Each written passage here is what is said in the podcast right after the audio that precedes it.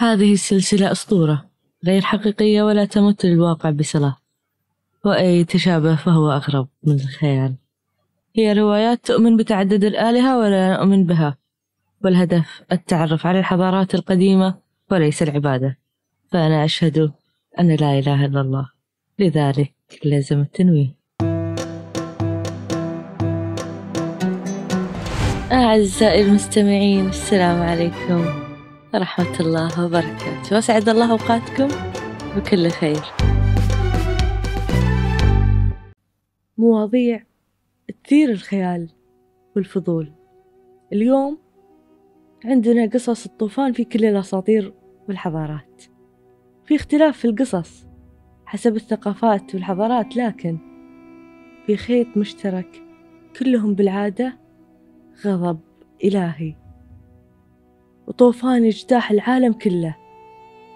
ما يبقى من البشر إلا قليل. مع أن في تشابه أساسية بينهم قصص الطوفان مصورينها بشكل مختلف. بلاد ما بين النهرين واحدة من أقدم قصص الطوفان موجودة ضمن ألواح ملحمة قلقامش المحفورة على 12 لوح حجر وهي أقدم القصص الأدبية.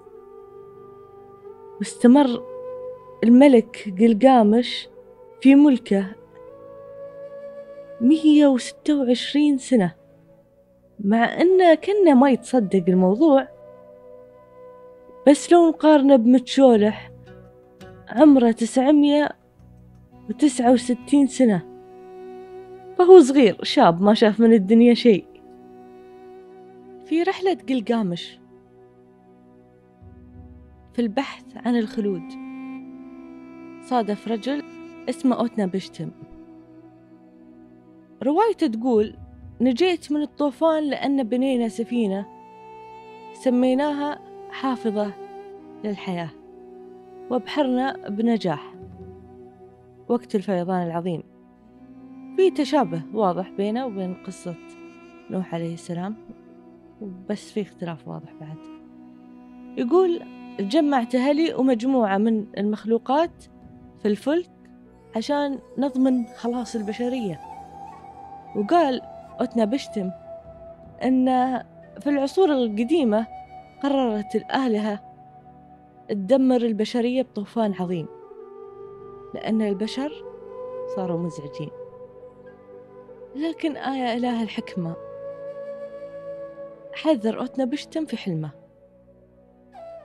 يبني سفينة كبيرة يكفي أهله والحيوانات والكائنات الحية والآلهة. أطلقت العنان للفيضانات. وصفها لقلقامش لمدة ست أيام وست ليالي هبت رياح وصار في سيول وعواصف وفيضانات كلهم مع بعض. وفي فجر اليوم السابع هدت العاصفة وهدى البحر وهدى الطوفان. شاف العالم لقاه صمت تحولت البشرية لطين. كان سطح البحر ممتد. فتحت الباب وطاح ضوء على وجهي. ثم ركعت وجلست وبكيت. ونزلت الدموع على خدي. إلا والماي من كل صوب. ولما خف الماي أرسلت الطيور حمام وسنونو وغراب. ولما ما رجعوا عرفت إن الوضع أمان. وأقدر أنزل من السفينة ورجعت الحياة. الأستك قصة الأستك فيها تشابه مع لا والله ما فيها تشابه المفارقة جذرية ومو متوقع بعد. في هالرواية في شخص اسمه تتلكوان حذرت رجل اسمه نوتة وزوجته نينة إنه بيصير فيضان قريب. قاموا نوتا ونينا يجوفون شجرة وسكرها تتلاشوان من داخل. وخلاهم بس ياخذون كل واحد حبة ذرة يسدون جوعهم. وهنا تختلف القصة مرة. لما صار الطوفان بدل ما يهلكون تحولوا البني آدمين إلى أسماك. وبعد ما الطوفان انتهى ما سمعوا تعليمات تتلكوان وخذوا من الأسماك فتتلكوان عصب وحولهم لكلاب. يس. تنتهي الرواية كذا. الغريب انه بدأ عالم جديد مع إنه ما أعرف كيف يعني ما أعرف كيف جو البشر. ما بقى إلا اسماك وكلاب. إيش قصدهم؟ نشوف الإغريق وش يقولون. في الأسطورة اليونانية زيوس ملك الآلهة زعلان من البشر مضايقينه. وتحديدا البلاسجيين وهالمصطلح آه، هم السكان الأصليين في منطقة آه، بحر إيجا. زيوس عطى ديوكاليون ابن بروميثيوس مهمة إنه يبني فلك لنفسه وزوجته بيرا. وهو متزوج بنت عمه. هطلت الأمطار غزيرة تسعة أيام. وتدمر العالم. ورست أخيرا السفينة على قمة جبل بارناسوس بعد ما بدأ يخف الماء من الأرض انتظروا تعليمات زيوس. كيف نبني الأرض؟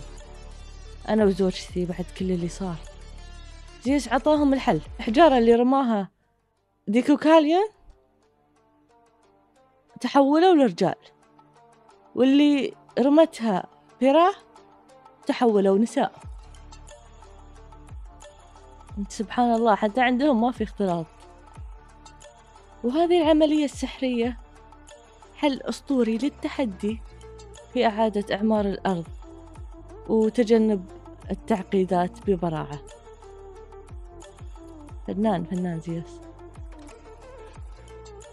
فيعني تحافظ روايات الفيضانات الآسيوية على العناصر الرئيسية. لكن في تعقيدات وخرافات واضحة واللي يميزهم هو الدور الإنساني. وإنه في سفن ساعات والبقاء على قيد الحياة. في هالقصص يتمتعون البشر بإحساس بالسيطرة والقوة. وهذا اللي يميزهم عن طوفانات الثقافات الثانية. الهندوس. رواية الطوفان الهندوسية غيرت عن التقاليد الدينية الثانية. بدل من زيارات إلهية وكذا يظهر مانو ليعتبر رجل الأول. يواجه سمكة بالسر إله. ما أدري إلهة. فاللورد فيشنو كان متجسد. فتنبأت هذه السمكة أو السمكة الإلهية بالدمار اللي بيصير للعالم بسبب فيضان عظيم.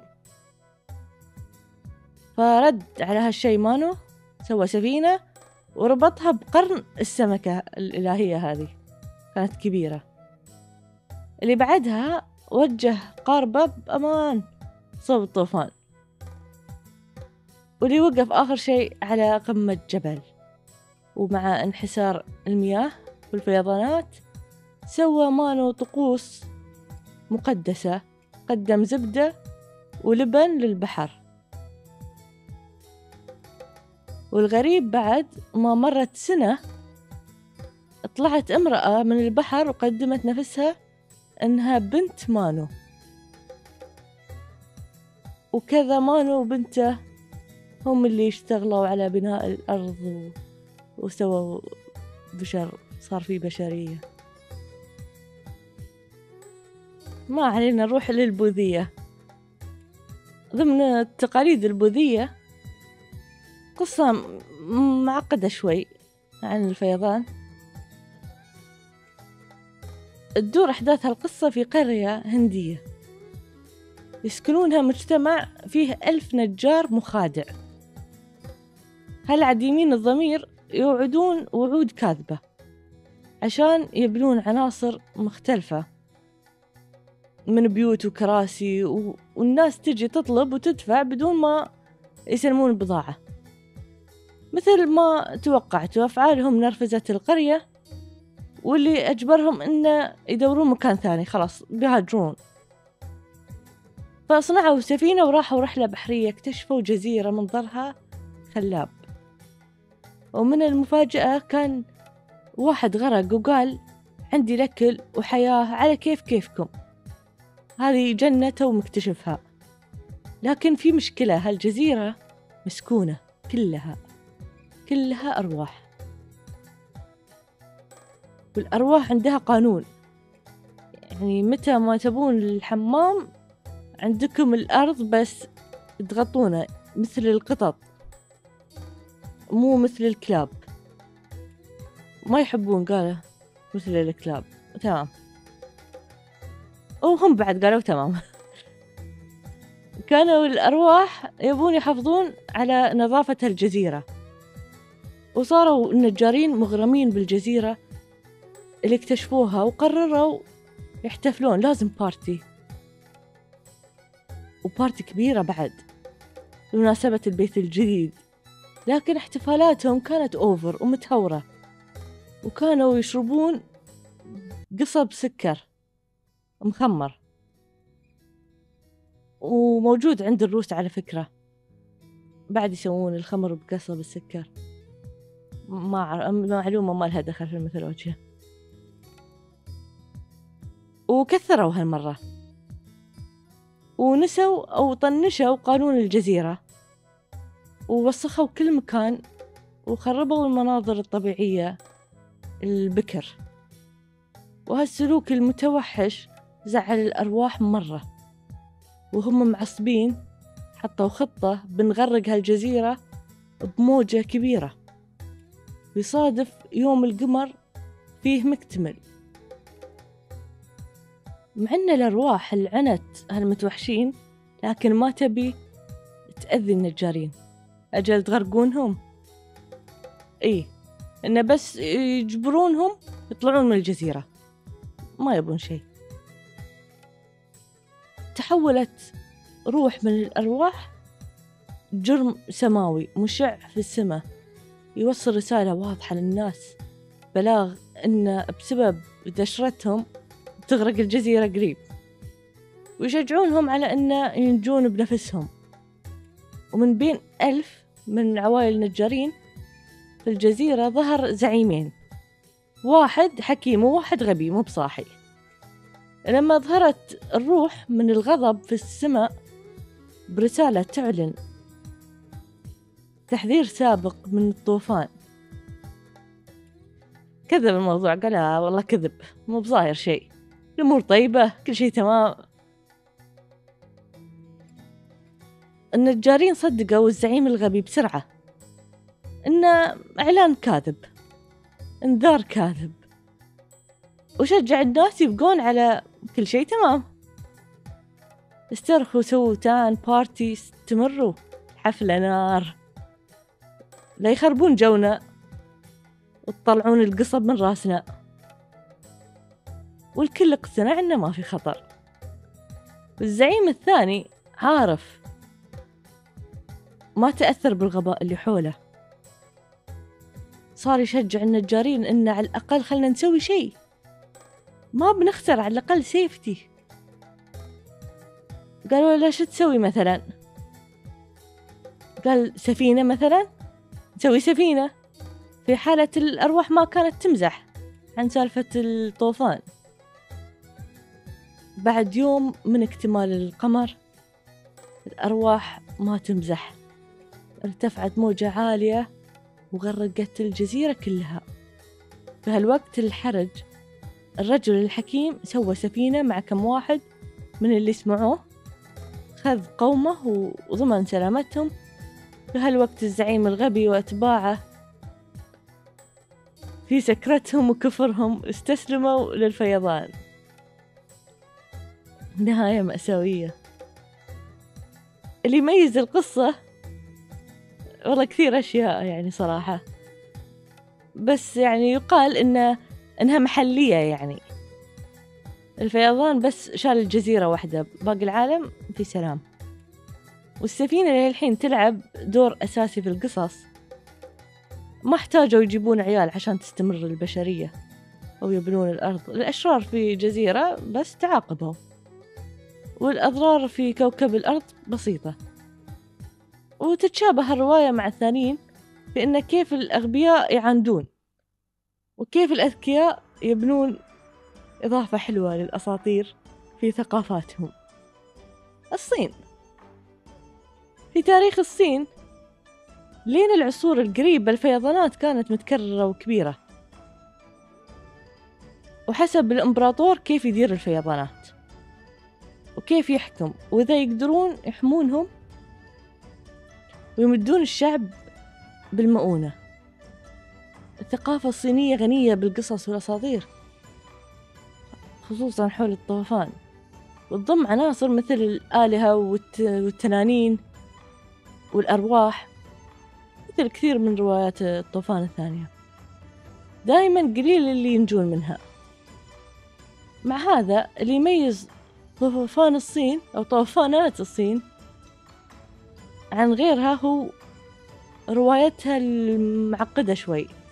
وأكثر من رواية يعني كل رواية نهايتها في في عليها خلاف في المصادر.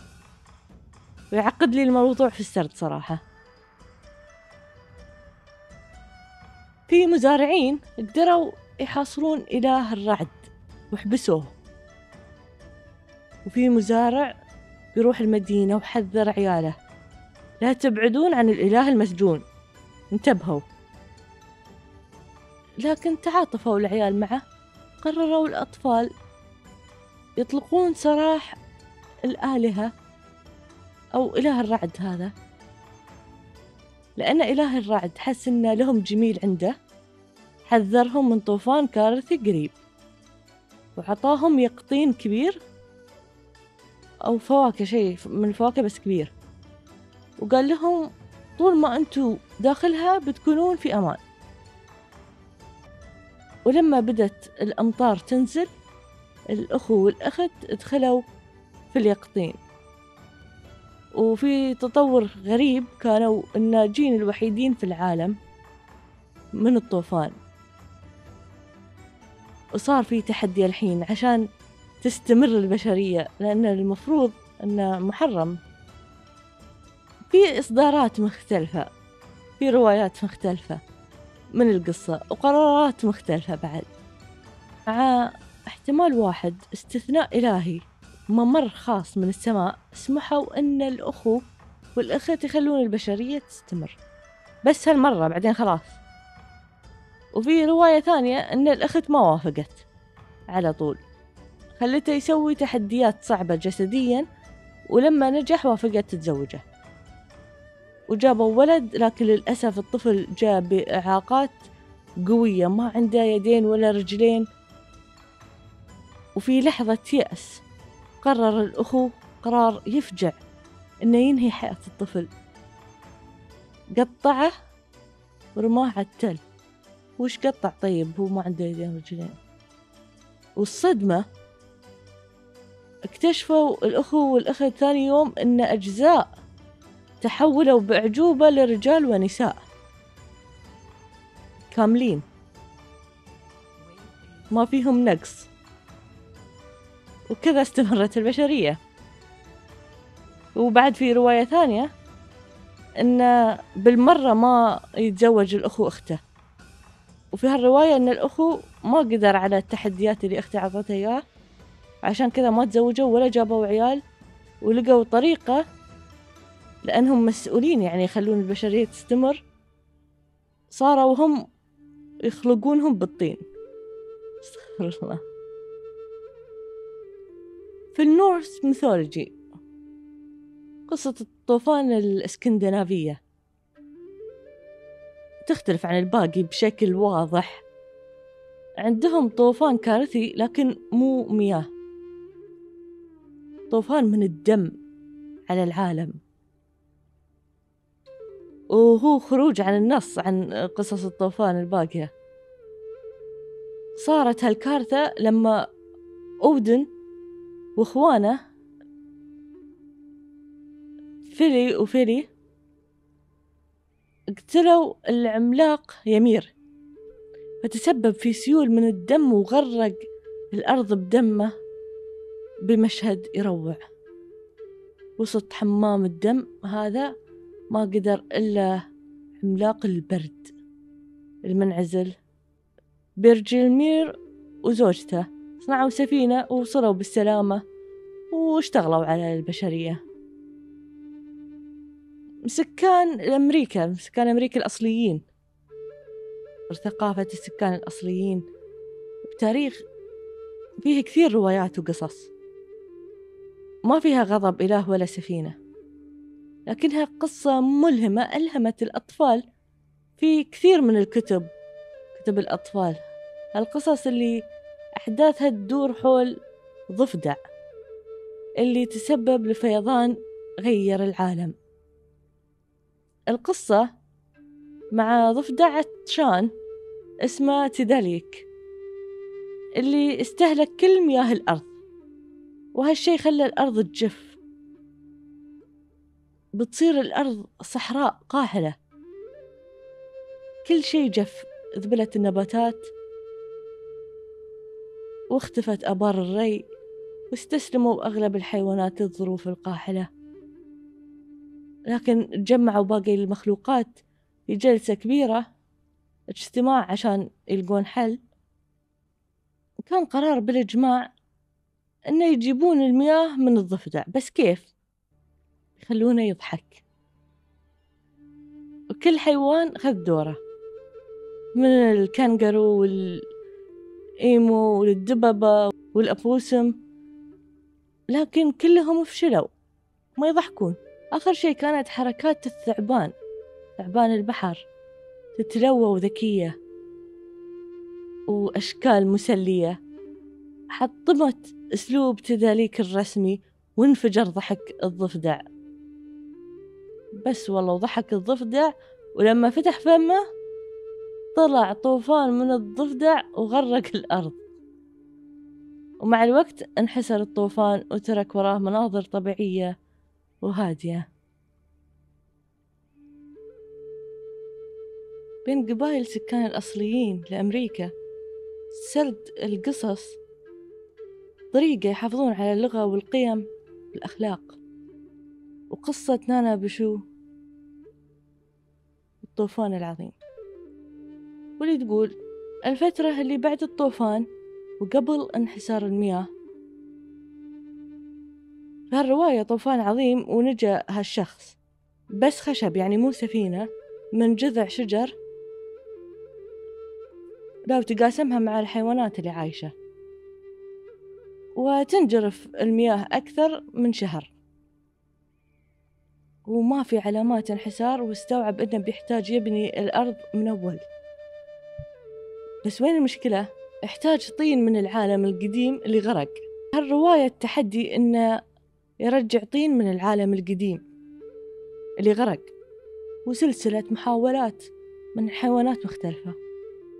في البداية حاولوا الغوص لكن كان كان عميقا جدا. وحاول قندس ولقى نفس المصير وتتناقش الحيوانات إنه شي يسوون. تطوع ركون يجرب. فطردوه باقي الكائنات لأنه صغير ما يقدر يسوي شيء. واستمروا في النقاش لين غابت الشمس وفجأة لقوا جثة الراكون الصغير بدون حياة على سطح المياه. ولقوا عليه طين. وتدخل نانا بجو. وحيا الراكون بعدين الراكون هرب بعيد وبدأ يشكل الطين وبدأ الطين يتوسع حجمه بالتدريج. يحتاج سطح يشتغل عليه وعرضت السلحفاة ظهرها. واستمرت الأرض تنمو وتتوسع لين غطت الأرض كلها. طبعا ما في حقيقة أكيدة إلا قصة نوح مذكورة في القرآن مع أن في كل الثقافات موجود. في علماء جيولوجيا نظرية أن صار فيضان كبير في الشرق الأوسط من تقريبا سبع آلاف سنة. نهاية عصر الجليد الأخير. يقولون في هالفترة البحر الأسود كان كنا بحيرة عذبة وحوالينا أراضي خصبة.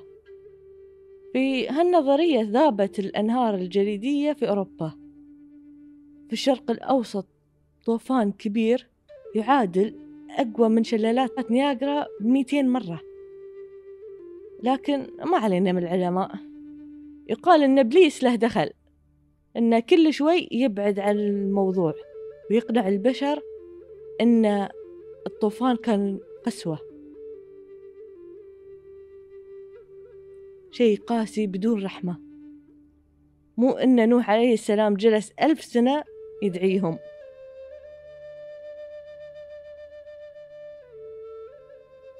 وبس قولوا لي وش عجبكم من روايات الثقافات اللي كلها أساطير.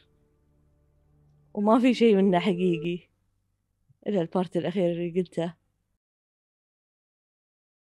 وإلى هنا تنتهي أسطورتنا. تصبحون على خير. الله يحفظكم يسعدكم. مع السلامة.